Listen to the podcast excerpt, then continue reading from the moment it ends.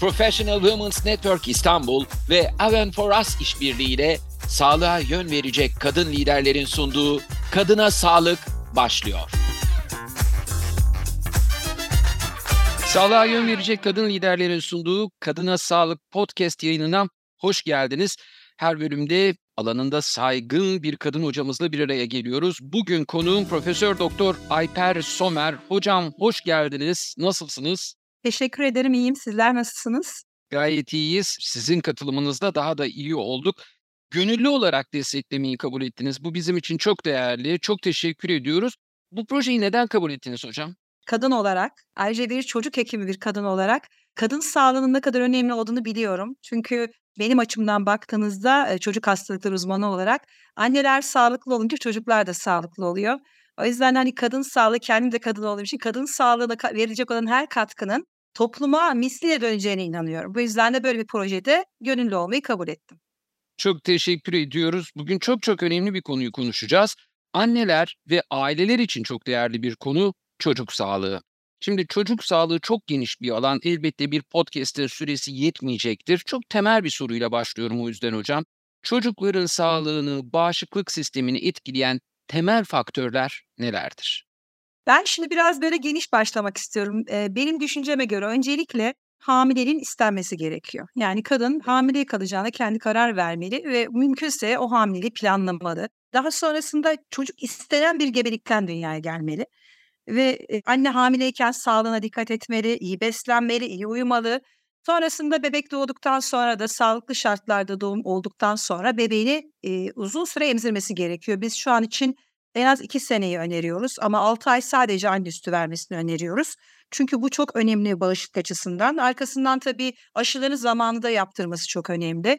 Bunun dışında bebeğin bütün yaşamı boyunca ona çok etkileyecek olan beslenme e, düzeyini sağlaması gerekiyor annenin. E, çocuğu iyi beslemesi gerekiyor. Dengeli beslenme, e, uyku düzenini ayarlaması gerekiyor. Tabii daha sonrasında da çocuğun sağlık konusunda eğitimi gerekiyor. Nasıl hijyen kurallarını uygulayabilir? Bu ufak çocukluktan itibaren öğretilebilir. İşte ellerini yıkaması, hastalı hasta çocuklardan kaçması, uzaklaşması, hastalıklardan nasıl korunabileceği bu konuda bilgi vermesi gerekiyor. Tabii vitamin eksikliklerini takviye etmesi yani vitaminden zengin gıdalarla beslenmesi, sağlam çocuk kontrolüne götürerekten gerekirse bu konuda taramaların yaptırılması gerekiyor. Bir de tabii hasta çocuğun okula gönderilmemesi konusunda hassas olması gerekiyor. Çünkü şöyle düşünmek lazım. Hani diğer çocukları koruyorsunuz ama sizin çocuğunuz da aynı şekilde diğer anneler sayesinde korunacaktır. Ben öncelikle bunları düşünüyorum. Tabii bir de anneden geliyor bağışıklık sistemi. Annenin sağlıklı olması, bebeğinin de sağlıklı olması anlamında gelecek yine. Çok teşekkür ediyorum. Şimdi uyku, beslenme, vitaminli bir beslenme, sağlık taramasının düzenli aralıklarla yapılması gibi önemli konulara ve annenin sağlığı gibi önemli bir konuya değindiniz. Burada sağlıklı bir çocuk yetiştirmek isteyen annelerin önceliklendireceği konular bunlar mı yoksa başka bir eklemeniz var mı hocam? Yani tabii ki çocukların meyve ve sebzeden zengin beslenmesi, protein, yağ ve karbonhidrat dengelerine dikkat etmeleri gerekiyor. Demin söylediğim gibi bu okula gitme ve çok önemli. Uyku düzenleri çok çok önemli özellikle çocuklar açısından. Tabii ben yine altını çizeceğim anne sütü diyorum. Ee, ne kadar uzun süre verirse o kadar yararlı. Anne sütünün önemi, emzirmenin faydası, emzirmenin anneye bir faydası var mı kadın sağlığını konuştuğumuz için onu da sormak isterim. Orayı biraz daha açar mısınız bize? Ama önce bebeğe olan katkısından bahsedelim. Çünkü anne sütü gerçek bir mucize. Yani düşünebiliyor musunuz? Her bir annenin sütü kendi bebeğine özel kendisi tarafından yapılıyor. Prematüre bebeklerin sütleri de o prematüre doğan bebeğe özgü yapılıyor. Dolayısıyla bebeğin tüm gereksinimleri karşılayacak e, gıda ve şu ana kadar da e, endüstri tarafından taklit edilemedi yüzde yüz. Çünkü şöyle bir şey var, annenin geçirdiği bütün hastalıklar ve olduğu bütün aşılar olduğu gibi bebeğine geçiyor anne sütü verdiği sürece. O yüzden de ilk 6 ay anne sütü alması son derece önemli. Emzirme ile ayrıca anne ile bebek arasında çok güçlü bir bağ kuruluyor.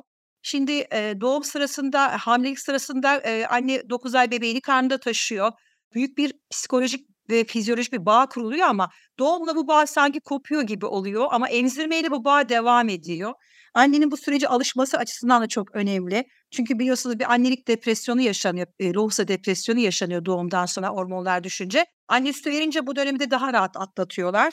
E, bebek anne karnında e, çok güvenli bir ortamda ama doğumla birlikte işte dünya ile karşı karşıya kalıyor ve psikologların, psikiyatristlerin en önemli üzerine durdukları konu temel güven duygusu. bir insanın karakterini oluşturan işte anne sütü verdiğinizde o güven duygusu oluşuyor. Yani sizi besleyecek bir annenin varlığı çok çok önemli. Tabii anne sütü sadece bunları sağlamıyor. Bunun dışında birçok hastalıktan koruyor çocuğu. Özellikle de alerji ve astım gibi hastalıklardan, şeker hastalığından ve tabii ki kanserden hatta lösemiden beri koruduğu ile ilgili çalışmalar var. Anne olan yararlarına gelince demin anlattığım o psikolojik bağlantının devam etmesi, annenin bebeğinden ayrılmasının önlenmesi bir şekilde psikolojik anlamda ve, eee, aynı zamanda da tabii ki annenin almış olduğu kiloları, eee, daha rahat vermesini sağlıyor ve yine, eee, rahim ağzı kanseri gibi ya da yumurtalık kanseri gibi en önemlisi meme kanseri gibi kanserlerden de, eee, korunmasını sağlıyor. Anne sütü çok önemli tabii çocuğun bağışıklığı için ama, bazı durumlarda anneler kendilerinden kaynaklanmayan sebeplerden dolayı bebeklerini emziremiyorlar. Eee, sütü kesmek zorunda kalıyor da sütleri kesiliyor.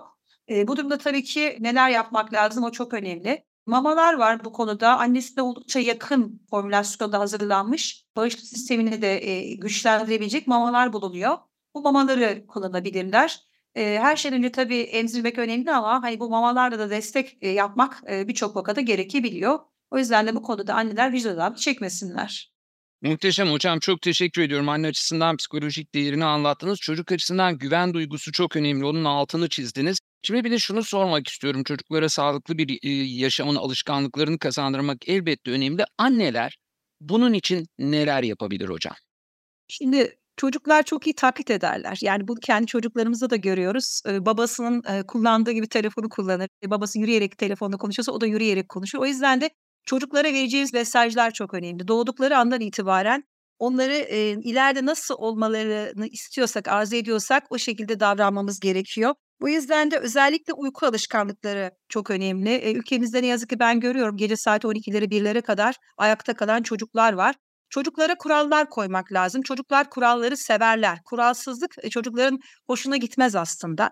O yüzden de bebeklikten itibaren uyku saatlerinin belirlenmesi, annenin de babanın desteğiyle bu saatleri, eee, mümkün olduğu kadar uygulaması önemli. Atıyorum 9'da yatacak dediğinizde o çocuk saat 9'da yatağa girmeli. Aksi takdirde, hani, gece 12'lere kadar aileyle olup da ertesi gün, hani, okula gittiğinde de bu alışkanlık devam edecek ve yorgun çocuklar olacak. Tabii yorgunluk da bağışıklık sisteminde de, eee, çok büyük negatif bir faktör olarak karşımıza çıkıyor uykusuzluk özellikle.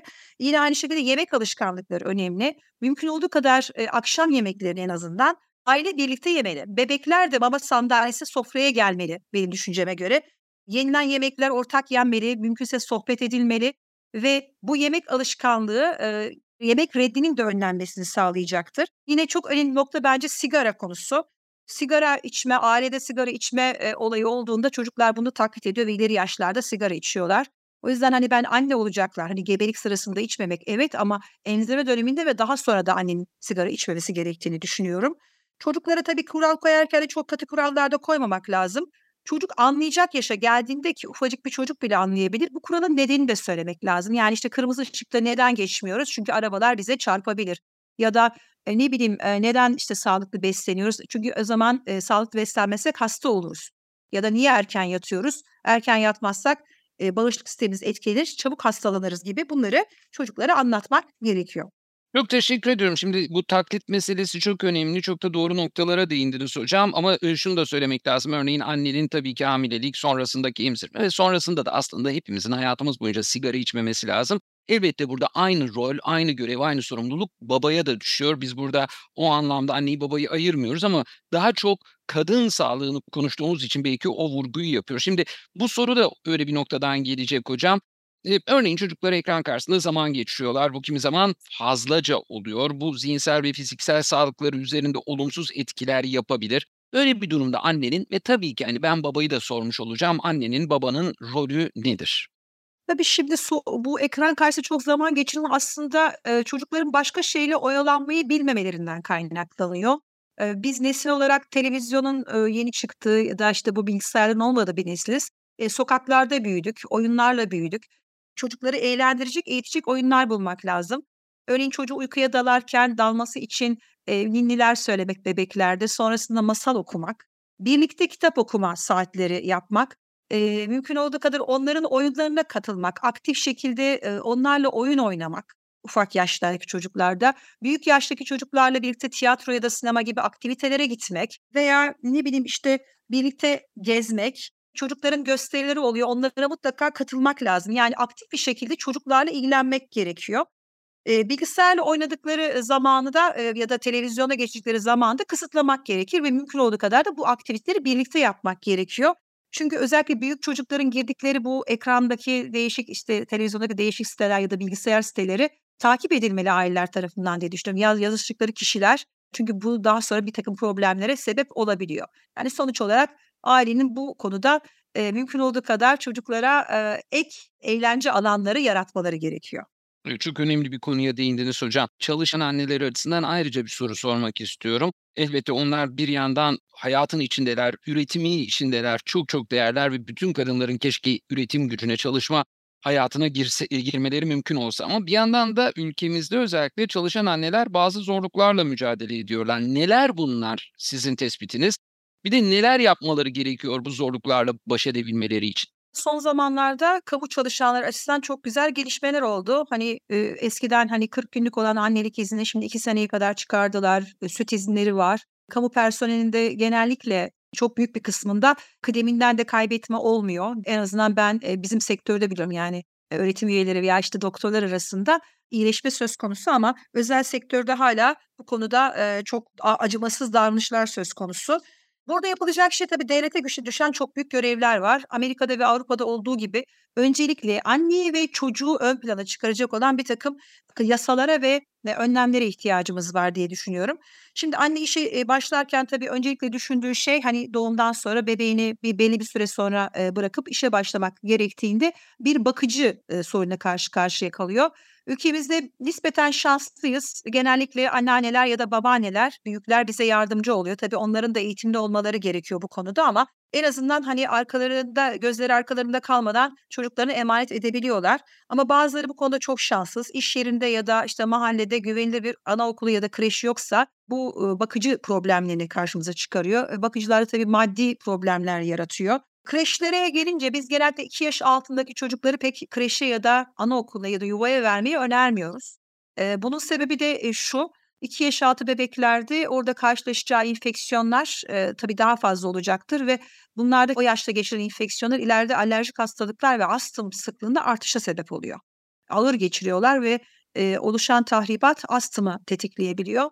İlk 2 sene o yüzden mümkün olduğu kadar evde bakılmaları gerekiyor. Bu yüzden yani ya bir bakıcı olacak ya da bir büyük bakacak, aile büyüğü bakacak ya da, işte, anneler eğer kamuda çalışıyorlarsa o sürede izin almaları gerekiyor. Tabii ki kıdeminden eksilebilir mi? Bunlar da problem. Sonra çocuk biraz büyüyünce bu sefer çocuk okula gidiyor. Okuldan okula götürmek ve okuldan gelince de onu karşılamak için birinin olması gerekiyor evde. Yine aynı şekilde bir bakıcı problemi oluyor. Bir de benim gibi çok sık seyahat eden anneler var. Onlarda da çocuk uzun süre seyahatlerde çocuğa kim bakacak, eee, diye bir durum söz konusu oluyor. İşte, sonuç olarak ister evde bir bakıcı baksın, ister evde bir büyük baksın, ister yuvaya gitsin, ister okula gitsin, annelerde en büyük sorun benim de yaşadığım bir vicdan azabı. Yani, eee, çalışırken, eee, çocukla geçireceğiniz zamanı kaçırıyorsunuz. Eee, bu da insanda çok büyük bir üzüntü yaratıyor ve benim önerim de bunu asla yapmasın anneler. Yani vicdan azabı çekmesinler. Bir şekilde gerekirse destek alsınlar bu konuda psikolojik olarak ya da aile büyüklerinden ve özellikle eşlerinden destek alsınlar. Eee, yardım istesinler bu konuda kendilerine ve, eee, çocukla da geçirecekleri zamanın, sürenin, eee, saat olarak miktarında değil de kalitesinin önemli olduğunu unutmasınlar. Aktif bir şekilde çocukla ilgilenmek ve güzel, verimli bir zaman geçirmek bu açıdan çok önemli. Dediğim gibi aslında bu konuda alınması gereken çok fazla mesafe, atılması gereken çok fazla adım var. Annelerin bu konuda çok büyük desteğe ihtiyacı var. Evet, özellikle de regülasyonlar çok çok önemli. Hem, yani, merkezi sistemde hem de kurumsal yapılarda regülasyonlar çok önemli. Hocam çocukluk çağında cinsiyete özgü sağlık sorunları var mı? Farklılık gösteriyor mu? Neler var? Şimdi tabii konu kadın sağlığı ama şöyle bir şey var. Aslında kadınlar doğal olarak çok daha güçlüler. Çünkü, işte, dinleyicilerimiz de biliyordur belki anneler eee, kadınlarda 2 tane X kromozomu var. Erkeklerde ise 1 tane X, 1 tane Y. Y, X'in bir kolu eksik anlamına geliyor. Şimdi son yıllardaki çalışmalar şunu gösterdi. O X kromozomların 2 tane X kromozomu çok güçlü bağışıklık demek. Erkekteki o eksik Y ise bağışıklıkta, eee, yetersizlik anlamına geliyor. O yüzden de erkek cinsiyet birçok hastalık açısından daha zayıf diyelim. Özellikle enfeksiyon hastalıkları açısından benim konum olan. Ama kızların da tabii zayıf oldukları bazı durumlar söz konusu. Özellikle ergenlik döneminde bu adet dönemlerinde yaşadıkları sorunlar ve kız çocuklarında biraz yağ dokusu daha fazla olduğu için kilo almaya daha eğilimli olmaları. Yani iştahının biraz açıldığı dönemde özellikle ergenlik döneminde kilo artışı ve obeziteye eğilim kız çocuklarında daha fazla. Hocam hemen araya gireceğim. Pardon, ergenlik döneminde bir yeme bozukluğu olursa eğer burada risk de artıyor dediniz. Böyle bir yeme bozukluğunu özellikle kız çocuklarını önlemek için neler önerebilirsiniz? Yani bu yeme bozuklukları ve obezite Türkiye'de çok büyük problem. Yani aslında her yaşın sorunu. Türkiye obezitede Avrupa birincisi. Eee, 2019 yılında da yine yapılan çalışmalar var. Burada kız çocuklarında Türkiye'de obezite %25'te yani 4 çocuktan birisi aşırı kilolu. Yeme bozukluğu var, aşırı kilolu. Erkeklerde oran daha düşük %15-17 civarında. Ama, eee, tabii bu ileride, eee, birçok soruna sebep olan bir durum. Demin söyledim, işte, şeker hastalığı olsun, yüksek tansiyon, kolesterol yüksekliği gibi ileri yaşların sorunlarını çocukluk çağına, ergenliğe taşımış oluyor. Abur cubur yerine, hani, meyve gibi, sebze gibi, eee, daha besinsel özellikleri daha iyi olan, hem bağışıklığı destekleyen hem de tartı alımını kontrol eden, eee, gıdalarla beslenmelerini sağlamaları, annelerin aslında bir yerde beslenme konusunda kendilerini eğitmeleri gerekiyor. Yine tabii Türkiye'de bir problem bu spor yapmama, hareketsizlik. Pandemi döneminde çok karşılaştığımız bir olay. Obezite zaten pandemide çok arttı. Özellikle ergenlerde arttı. Televizyon karşısında uzun zaman geçirme. Bunları önlemek için çocuklara başka aktiviteler bulmak lazım. Özellikle de spor yapma. Ülkemizde beden eğitimi dersleri hep geçiştiriliyor. Avrupa'da ve Amerika'da olduğu gibi, eee, okullarda bunların özendirilmesi gerekiyor. Çocukların hareketlendirilmesi, mümkün olduğu kadar bir en az bir spor yapmalarının sağlanması. Hiçbirini yapamıyorlarsa yürümeleri, yani, ne bileyim, otobüs ya da toplu taşımadan çok yakın bir mesafe ise okula yürüyerek gidip yürüyerek dönmesi veya, işte, bizim bizim gibi şanslı çocuklar olmadıkları için, hani, sokakta oynama ya da bahçede, parkta oynama gibi aktiviteleri de en azından mümkün olduğu kadar yapmalarının sağlanması, yani hareketlilik. Uyku düzeni çok önemli. Çünkü uykusuzluk yine, eee, iştahı açıyor ve ters bir döngü, kısır bir döngü şeklinde uykusuzluk problemi iştah artışı, şişmanlık, şişmanlıkta uykusuzluk gibi bir kısır döngü yaratıyor. Uykunun düzenlenmesi gerekiyor ve tabii ki tabii su içme çok önemli. En azından iş erişkin için 8-10 bardak su ama çocukların da yine yaşlarına göre bol miktarda su içmeleri gerekiyor. Bir de tabii sigara içmeme. Hani, sigara içmeme aslında sanki zayıflatıyormuş gibi görünüyor ama Eee, aslında öyle değil. Eee, sigarayı bıraktığınız anda ortaya çıkan o kilo, eee, azalması aslında sigaranın, eee, yarattığı, eee, oksijen, eee, dengesizliğinden kaynaklanıyor diyelim. O yüzden de, hani, sigara da içmemek gerekiyor tabii ki. Hocam çok teşekkür ediyorum. Genel bir çerçeve çizebildik çünkü, çocuk sağlığı çok geniş bir alan ama bu konuda bence çok önemli noktaları, önemli başlıkları sizinle paylaşmış olduk. Artık podcast'imizin sonuna da yaklaştık. Eee, son olarak bir mesajınız var mı hocam?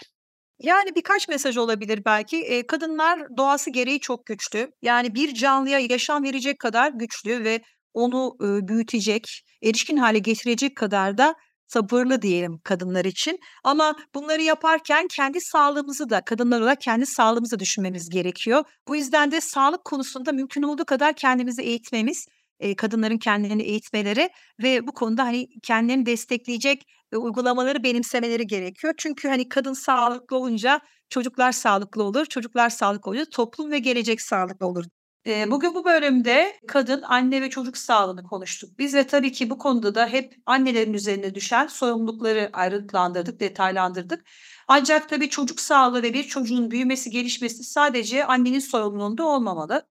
Özellikle babanın bu konuda katkıları çok çok önemli. Çocuğun büyütülmesinde, eee, baba anneye de mutlaka destek olmalı. Ek olaraktan aile bireylerinin de, eee, her 2 ebeveyne de anneye de babaya da çocuğun sağlığı açısından, çocuğun büyütülmesi açısından destek olması, eee, gerektiğini, altını çizmek istiyorum. Teşekkür ediyoruz hocam. Gönüllü olarak katıldınız ve büyük bir katkı sağladınız. Bugün çocuk sağlığını genel hatlarıyla konuştuk. Profesör Doktor Ayper Somer'le hocamıza bir kez daha teşekkür ediyoruz. Professional Women's Network İstanbul ve Aven for Us işbirliğiyle sağlığa yön verecek kadın liderlerin sunduğu Kadına Sağlık podcast serisinin sonuna geldik. Bu yolculuk boyunca kadın sağlığına dair önemli konuları ele alarak toplumsal cinsiyet eşitliği perspektifinden tüm kadınları aydınlatmaya çalıştık. değerli dinleyicilerimize, işbirliğimize katkı sağlayan herkese ve elbette konuklarımıza çok teşekkür ederiz. Kadına Sağlık, toplumsal cinsiyet eşitliği mücadelesine bir katkı daha sağlamış olmanın mutluluğunu yaşıyor.